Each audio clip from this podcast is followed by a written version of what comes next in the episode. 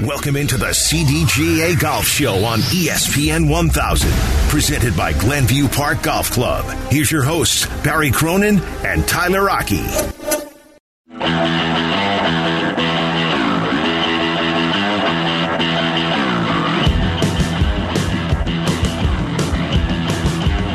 Morning and welcome on in. It is the CDGA Golf Show.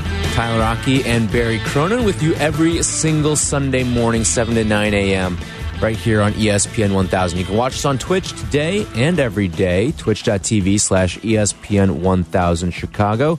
Segment brought to you by Golf Elgin, home of Bowes Creek Country Club and the Highlands of Elgin.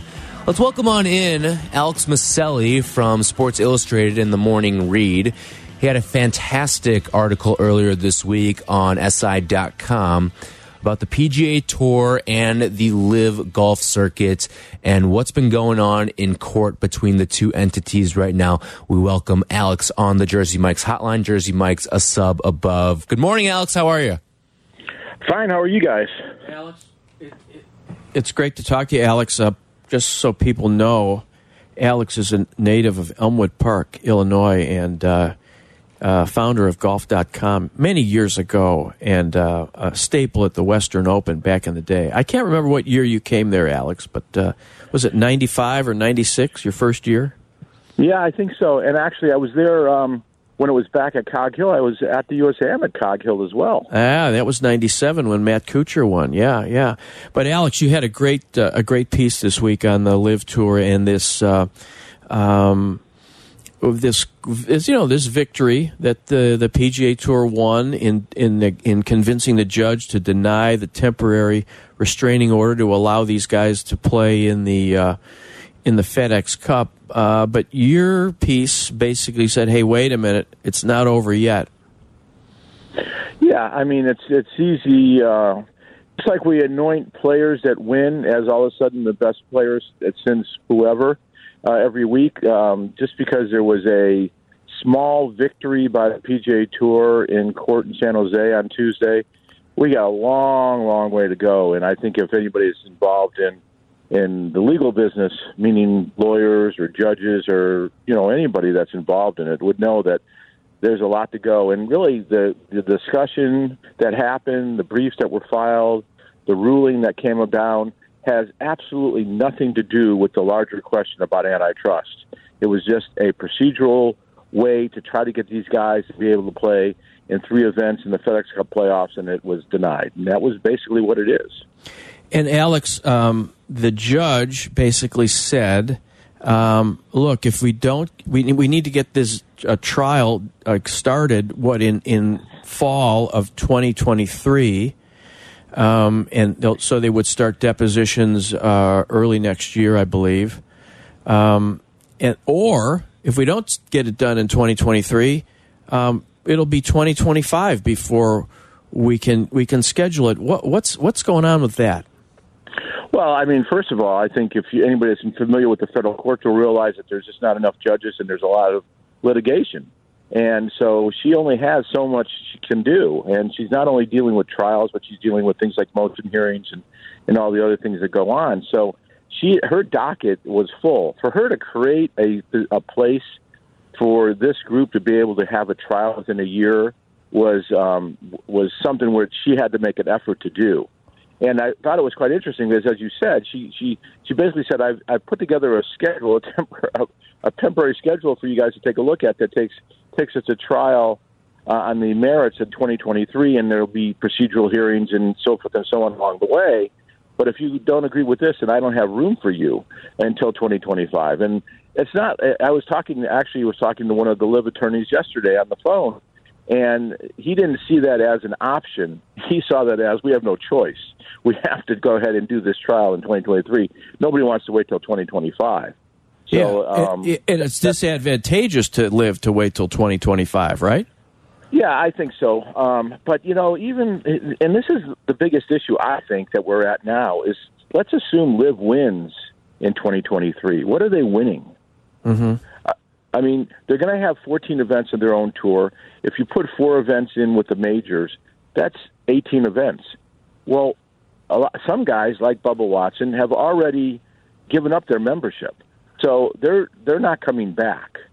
Now the guys that maybe want to come back, maybe a Talor Gooch or whatever. So that means out of the 18, after the 18 events, they may want to come back. But where's their status? What status will they have when they come back a year from now? Right, They're because you have to be you have to be in the top 125 just in order to play on the PGA Tour, correct? Right. Yeah, you can you can have exemptions of uh, you can get a sponsor's exemption to play in certain events.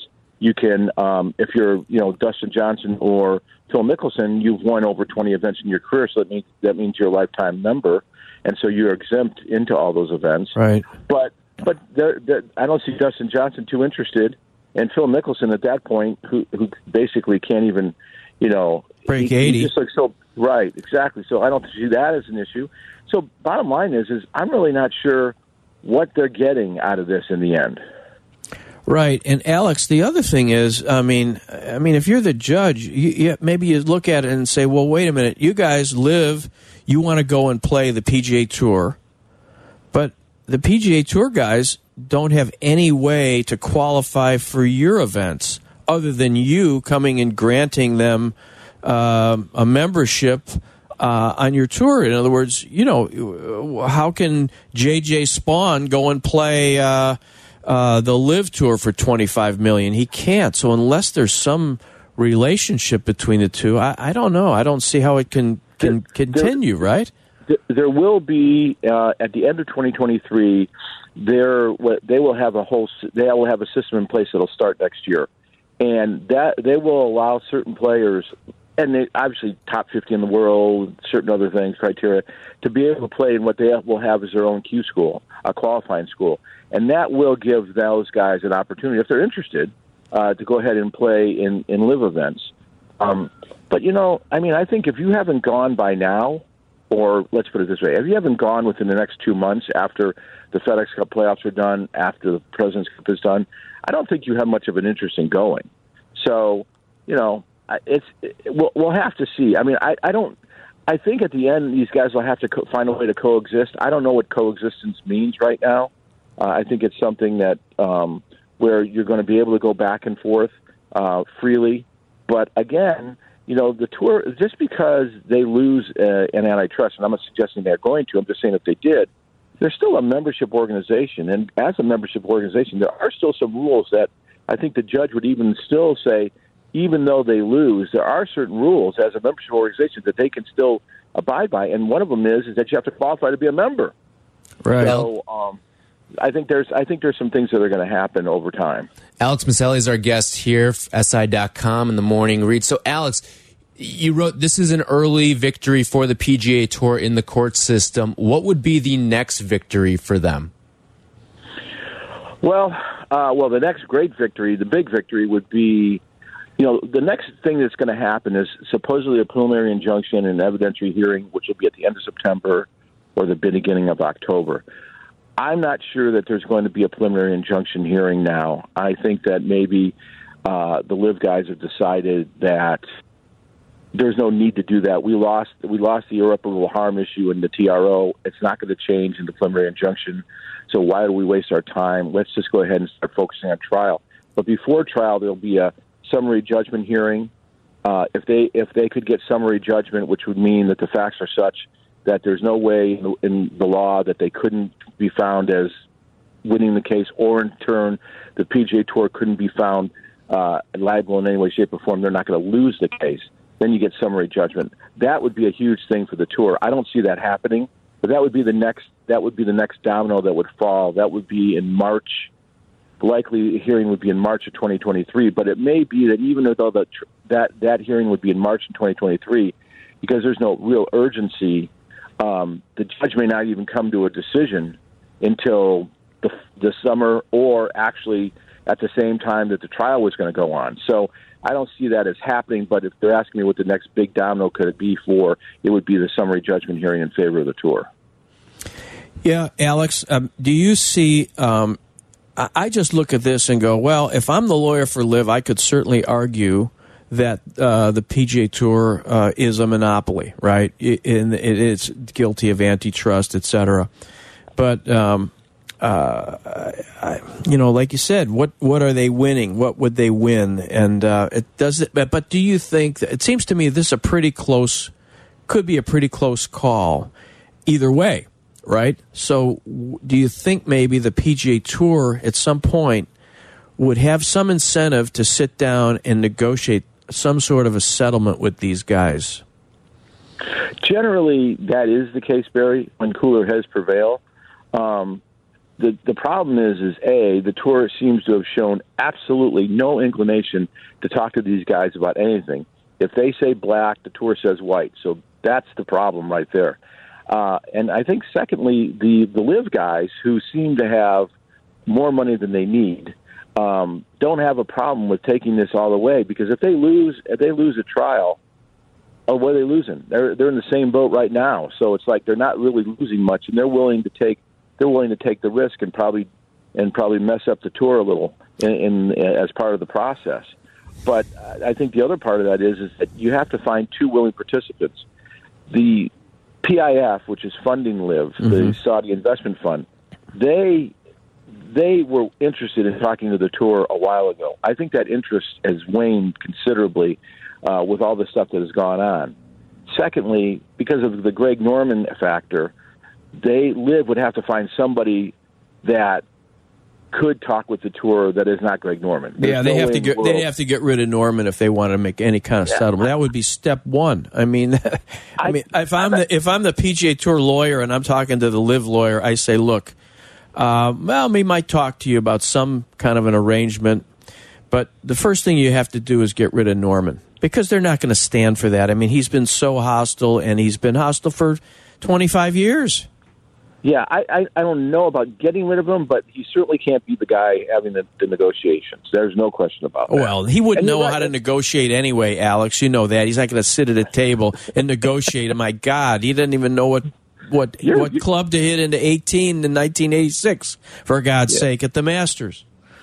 You know, I think the thing, the other thing that we're not uh, that we're not really focusing on because we've been back and forth on the trial is in, in the 90s the uh, Federal Trade Commission found, uh, well, they didn't find, but they their attorneys were, were suggesting that there was no question in their minds that the tour was monopolistic and there was an antitrust issue, and they wanted to take it forward and have it investigated. Um, Congress, starting with Bob Dole at the time, the senator from Kansas, mm-hmm. um, through uh, the good offices of Tim Finchem, who was the commissioner at the time, basically stopped any investigation of the PGA Tour in the 90s. And um, but their attorneys were willing to move forward because they believed there was an antitrust issue. So I think if you take a look at that and realize that there's back in the 90s there was probably an issue, I doubt you could suggest that it's gotten lesser of an issue, but probably more of an issue over time. And um, you know, but again, what does that really mean? Uh, what could the tour do you know, if there was an antitrust issue, what can the tour do to rectify that? Uh, what is the harm to these players? You know, because one thing that's very clear is that financially these players are not being harmed, and the judge has no concern about their financial well-being. Exactly. So that's so that's that's the biggest issue. Um, the fact that they, you know, and if, if, if in fact too, I think you have to remember if they get world ranking points somewhere along the way, if somehow the world ranking organization uh, goes ahead and does that for the LIV for the LIV events, then there's really very little harm left, uh, if any. Well, to these players. But and if you're the LIV attorneys, you, you say to the judge, well, I don't know if this would come up at the trial, Alex, but but the world ranking points are are, are administered by the by Jay Monahan, Martin Slumbers, uh, Mike Whan, uh, all the all the uh, all the major players uh, uh, in in golf uh, in, in, the golf organization. So you look at that as a if I'm the LIV attorney, I say, hey, that's this is the biggest rig deal going. There's no way we're ever going to get world ranking points whether or not we had 72 hole events and our own uh, pathway to the LIV tour and all that, those guys are are going to do everything in their power to not give us world ranking points. Yeah, I think if there's a place that you're LIV and you want to put all your efforts behind, it wouldn't be the antitrust issue. It would be against the World Ranking Association. And I think that's where they're going to have to do it.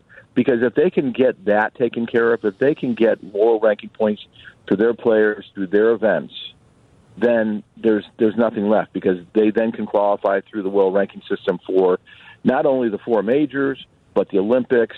You know, there's many different things that open it up. And you're right. I mean, you can't you can't let the uh, you can't let those guys basically run the organization. That someone else has to be involved, and and that's when always been the problem from day one. If you look at USA Golf, which is the Olympic uh, part of the uh, golf, determining who gets to play or doesn't get to play in the Olympics for the U.S., it's run by the PGA Tour.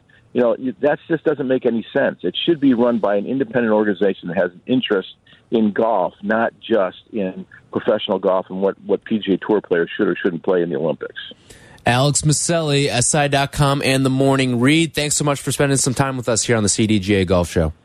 You guys take care. Thanks. Thanks, Alex. Have a great weekend. Alex Miceli. Check out all of his work, SI.com. He had a fantastic article kind of breaking down everything that you need to know about this lawsuit between the LIV Golf and the PGA Tour. Again, this is just sort of the tip of the iceberg right now of everything that's going to go down. And like he sort of laid out, this is going to be a multi-year process along the way. Right. So, and if you're and if you are golf fans and you love golf, SI.com, which is which was the morning read uh, for years, uh, which Alex founded.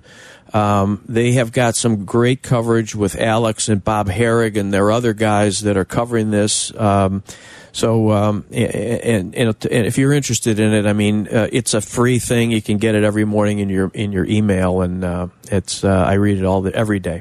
312 332 3776. If you want to react to anything you just heard from Alex, we will also talk to Roy Biancalana coming up at 8.35 as well. This is the CDGA Golf Show on ESPN 1000. This segment brought to you by the Highlands of Elgin, home of Bowes Creek Country Club, and the Highlands of Elgin. From PGA to where you should play, this is the CDGA Golf Show with Tyler Aki and Barry Cronin, presented by Glenview Park Golf Club.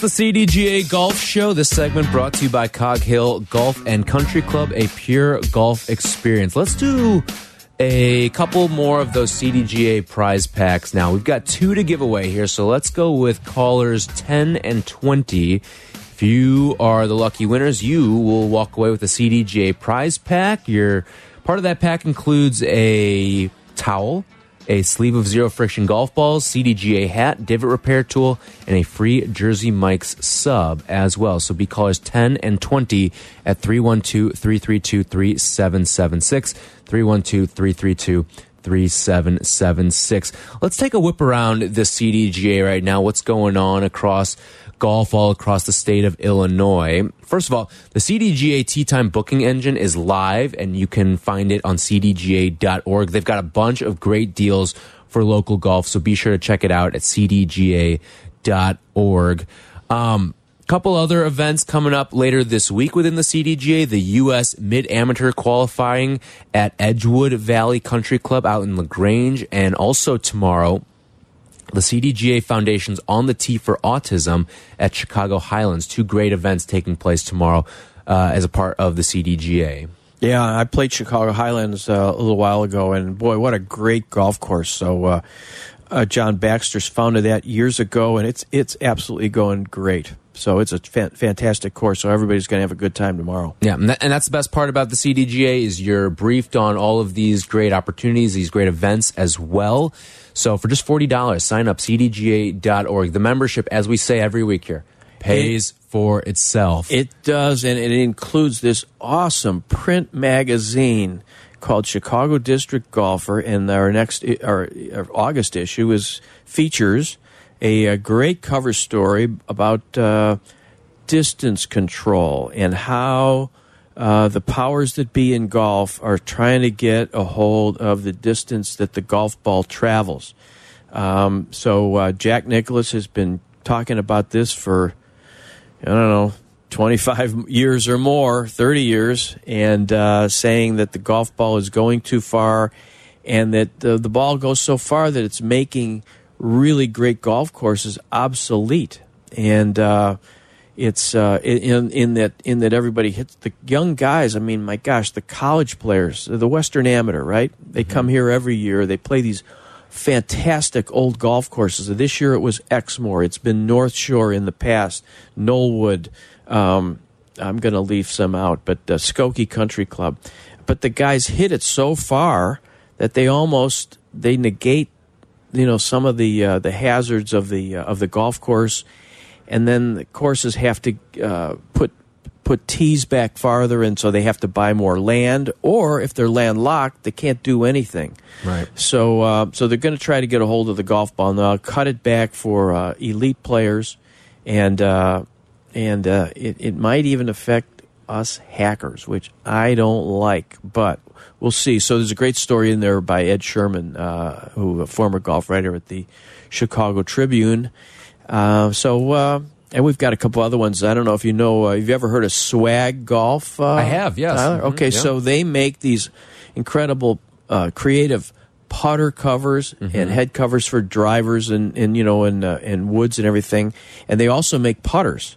So uh, we got to, and they're they're from a guy from Northbrook founded it. Who would know? Who would know? I think I've seen a lot of their stuff on, on Instagram Oh, and TikTok. They do a great yeah. They do a great job on Instagram. Um, they have uh, Paige Renee Spi- Spiranac is an endorser of theirs, and so she's got quite a good following. And there's sometimes uh, uh, swag golf head covers on there. So. Uh, yeah, we got a good story about that. So a good business story and a good uh, story by the USGA. And uh, so anyway, The the distance control thing is fascinating to me because that's kind of the the next thing. I mean, like how many people do you remember were like pounding seven protein shakes a day to be like Bryson DeChambeau, right? So they can hit the yeah, ball I 350 do that all the time. yards, right? I'm oh, I can oh, see. I'm all about that. I'm if you're watching on Twitch, you and can see Barry right now. Exactly. Twitch.tv, ESPN 1000 Exactly. Chicago. You probably want to get on Twitch to see this. You know. Mm-hmm.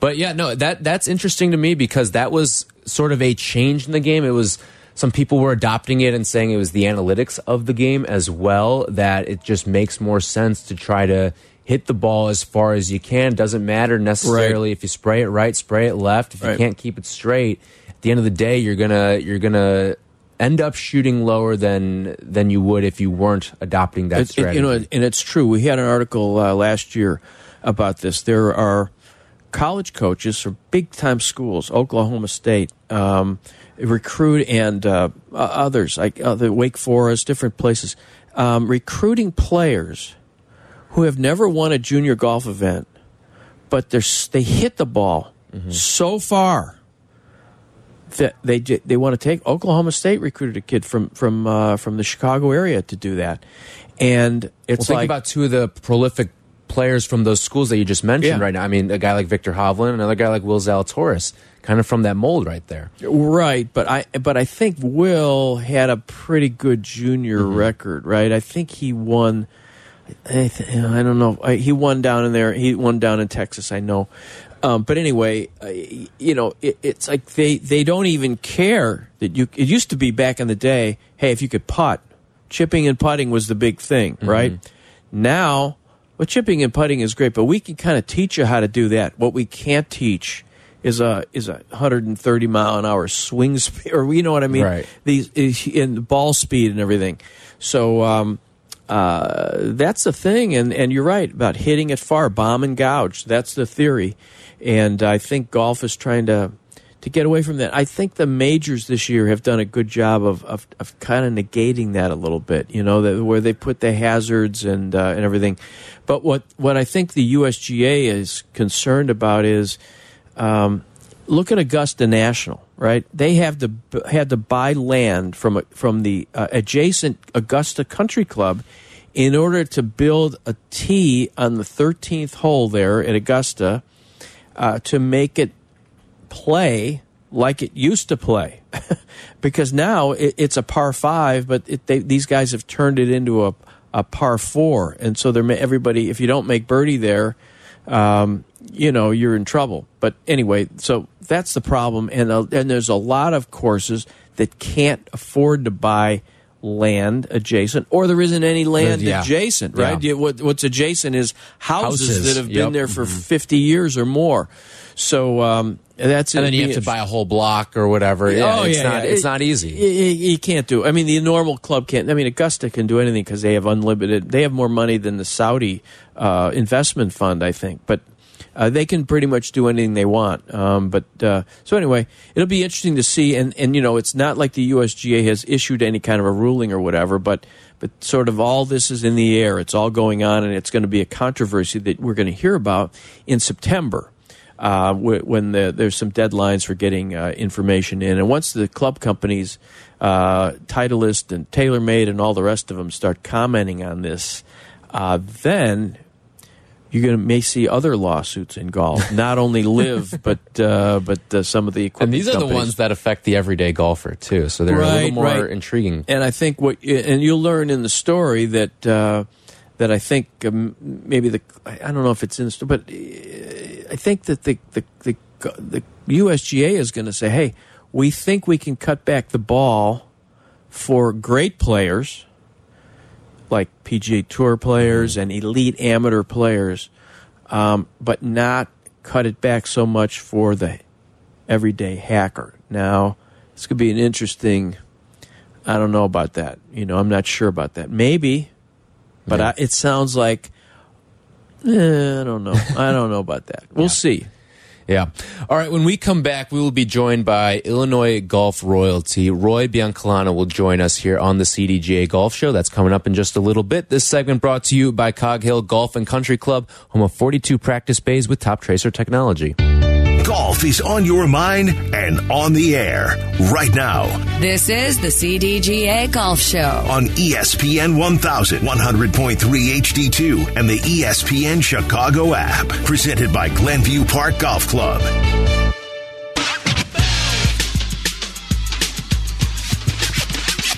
This segment brought to you by Zero Friction and their new Wheel Pro golf bag. Tyler Aki and Barry Cronin with you here on the CDGA Golf Show. Let's head on out to the Jersey Mike's hotline where we find Roy Biancalana, the Illinois PGA Senior Championship winner and Chicago golf legend. Roy, welcome into the show. golf legend. Wow. Well- Right. It's good to be here this morning with you guys. Well, thanks, uh, Roy, for being with us. I mean, uh, you are a legend among the, you know, in the Illinois section of the PGA, and people who know that you played on the PGA Tour back in the late '80s, um, and now, uh, you know, you're 62 years old, and you finished seventh at the Illinois Open, and all the guys around you were these stud college players and aspiring PGA Tour guys, and yet you just uh, you took a lot of them and and, and took a lot of them uh, in, into the woodshed. Yeah, you know, I I noticed that too. Um, you I bet you did. yeah, I, I, I won the Illinois Open back when I was 27. You know, so uh, yeah, the the two guys I played with in the final round were 20 and 23 years old. So, um, you know, what it did for me was it sort of freed me up. You know, because I I'm not supposed to beat those guys or to compete with those guys.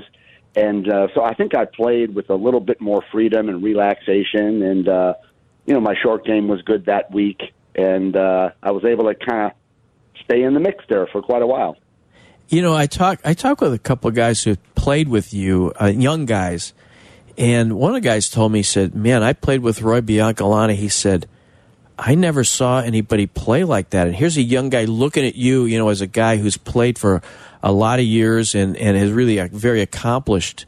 Um, and, and what do you think it was that he saw in you? It seemed like there was a.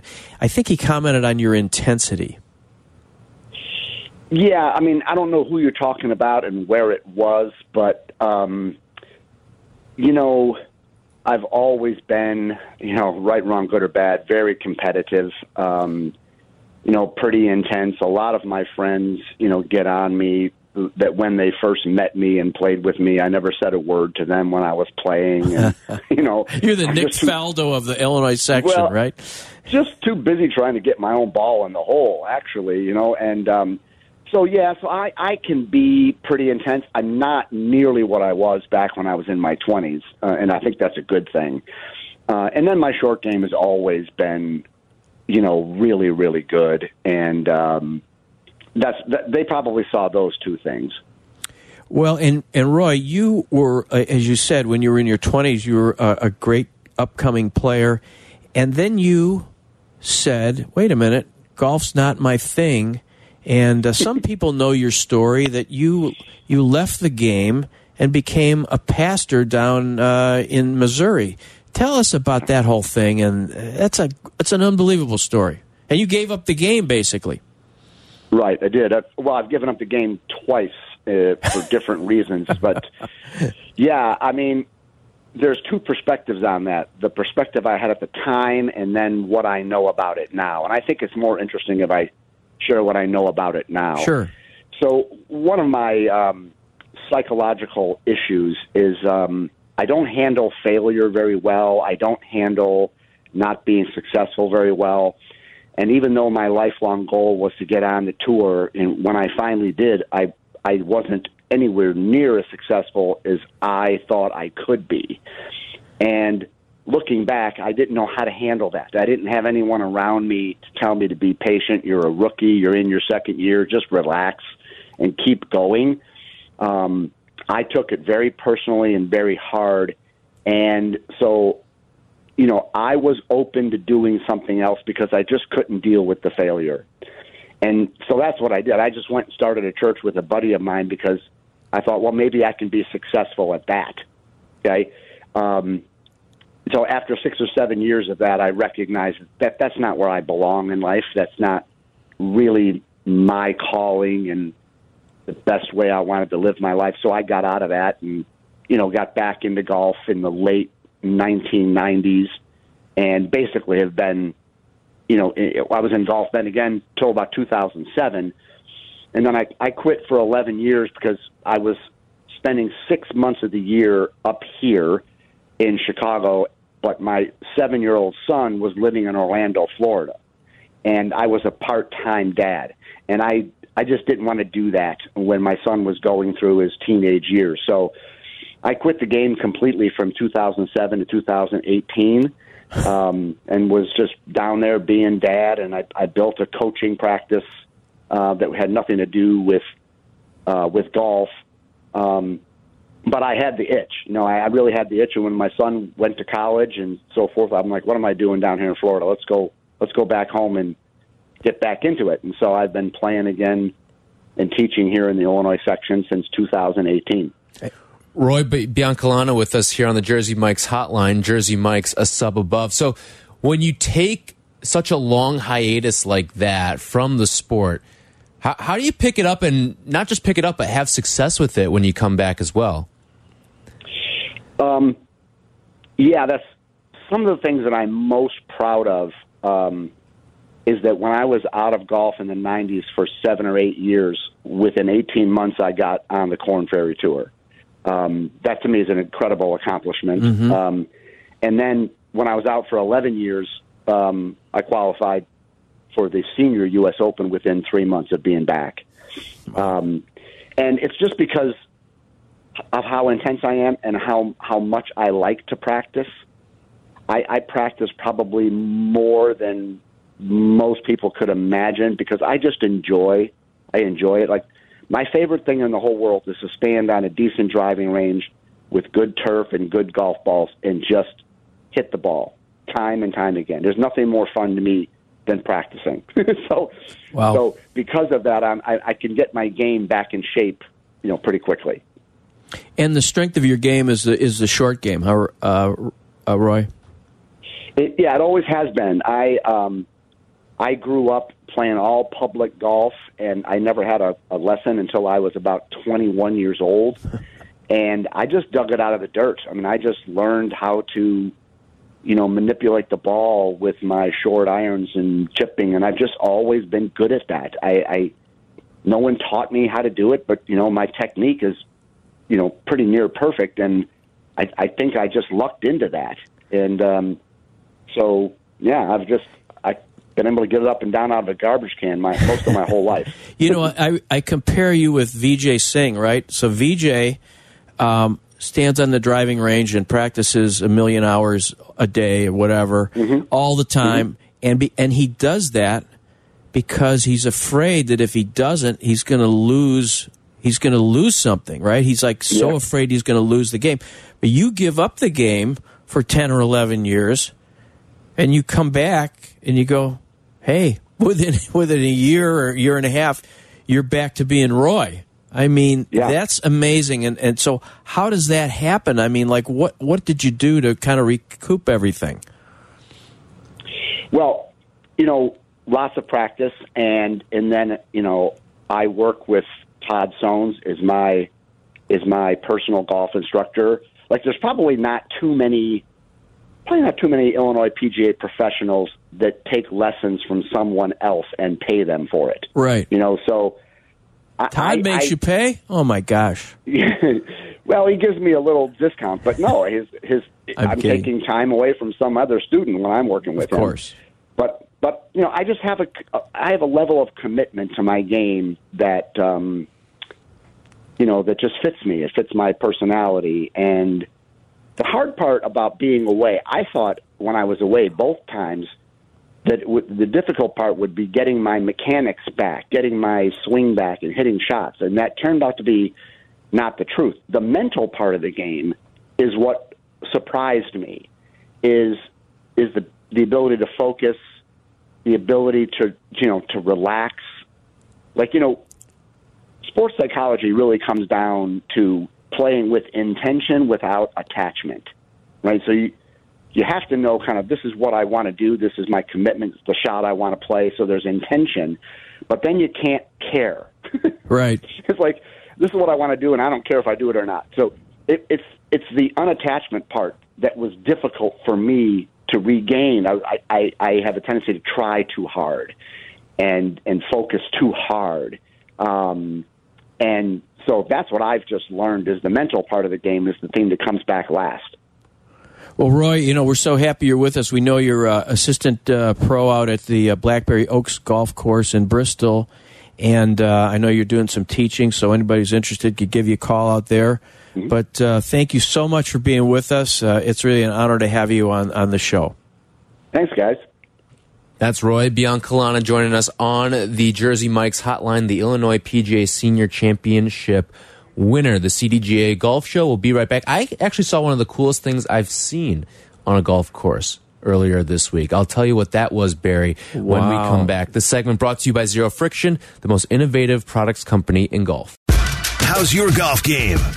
Yeah, mine too, but more on that later.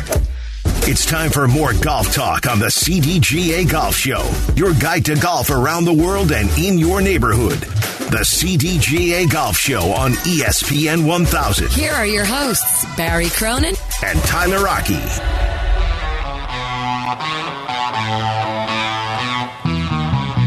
This segment brought to you by X Golf Downers Grove with easy access off of I 88 and I 355. Wrapping things up here on the CDGA Golf Show. And thank you to Jake Cantu for producing. Thank you to Alex Miceli and Roy Biancalana for joining us as well. Xander and Hanley coming up at 10 a.m. They'll lead you into White Sox baseball as the Sox go for the sweep. Connor McKnight has the pregame coming up at 12:30. First pitch at 110 with Len Kasper and Darrin Jackson. So, Barry, I was just perusing through Instagram as people in their 20s tend to do. Oh, I do it too. It's great. I Um, love and. and I stumbled upon this. This is the coolest thing I think I've seen on a golf course. I shouldn't say maybe coolest, but maybe like one of the biggest mic drop things I, I've seen on a golf course. And I come across Steph Curry's page, and he's avid golfer. Oh yeah, he's I mean, great. among he's a good player too. among non golfers, maybe the best athlete, one of the best active athletes in terms of golfers. Being a golfer. Yeah, if you were to have a, Well- an open tournament of active athletes, I'm not talking about retired players who have spent their, No, no. their entire I retired life. No, no, I know what you mean. Yeah. yeah, Steph easily one of the best, if not the best, top three, five. And he's stepping up to the tee. He's playing some course down in Kentucky, and he's decided to use the Larry O'Brien Trophy as one of his tee markers. Right. And he steps up to the tee, and boom, right there, he's got the trophy sitting there as awesome. a tee marker That's for him. great. That it was one of the coolest, most badass things I think I've seen on a golf course. That's good. I like him a lot. He's uh, he's done a lot for the And a- game, and he. I think he's he's got his own uh, Korn Ferry Tour event that he sponsors or presenting sponsor, something like that. Yeah, he no, helped start the the golf program as well at Howard University too. Yeah, Which, I mean, you look at all the things that he has done, not just for the game of basketball, but for the game of golf. It is truly a passion of his, and really cool to see him give back and, and do something like this that he did on the golf course. You know, as you mentioned Howard University. So Marcus King, who is from Rockford, he's an amateur. He finished, I think, uh, oh, in the top five at the Illinois Open. Uh, he's played at Eastern Michigan for a couple of years. He's going to be a junior. He's transferring to Howard, Mm-hmm. so he'll be playing in that Steph Curry founded uh, Howard University golf program, which is uh, which an it's an a, a, HSBC uh, university. HBCU, yeah. HBCU. Dar- Oh God, Yeah. it's early. Um, yeah. So uh, that's really cool. So it's it's. I'm glad you mentioned that about the about Howard. Yeah, good for him. And you know, back in the day, not that long ago, there was a celebrity golf tour, and Rick Rhoden, the former. I mean, my God, how long ago? Uh, he was the he was the stud player on there, and you know, Hawk Harrelson would play on it sometimes, and uh, Mike Schmidt and, and whatever. But it was a but there was such a thing as a celebrity golf tour. It never quite, you know. Got Now we've got the TV match. enough. Yeah, now you have the match, and then you have that celebrity American Century the- yeah, thing out in Las ACC. Vegas. Mm-hmm. Um, In so- Tahoe, yep. Yeah, right. So uh, they still have that, s- I guess, kind of one celebrity tour. I don't think men, you know, it's hard if you don't have Michael Jordan playing in it. You know, I mean, you know, he's Yeah. a, he's an inveterate, crazy golfer. You know, so Right. uh, yeah. All right. Well, we will be back next week here on the CDGA Golf Show. If you missed anything, check out the podcast on the ESPN Chicago app or wherever you get your podcast. For Barry, I'm Tyler. We will talk to you guys same time, 7 to 9 a.m. here on ESPN 1000 next week.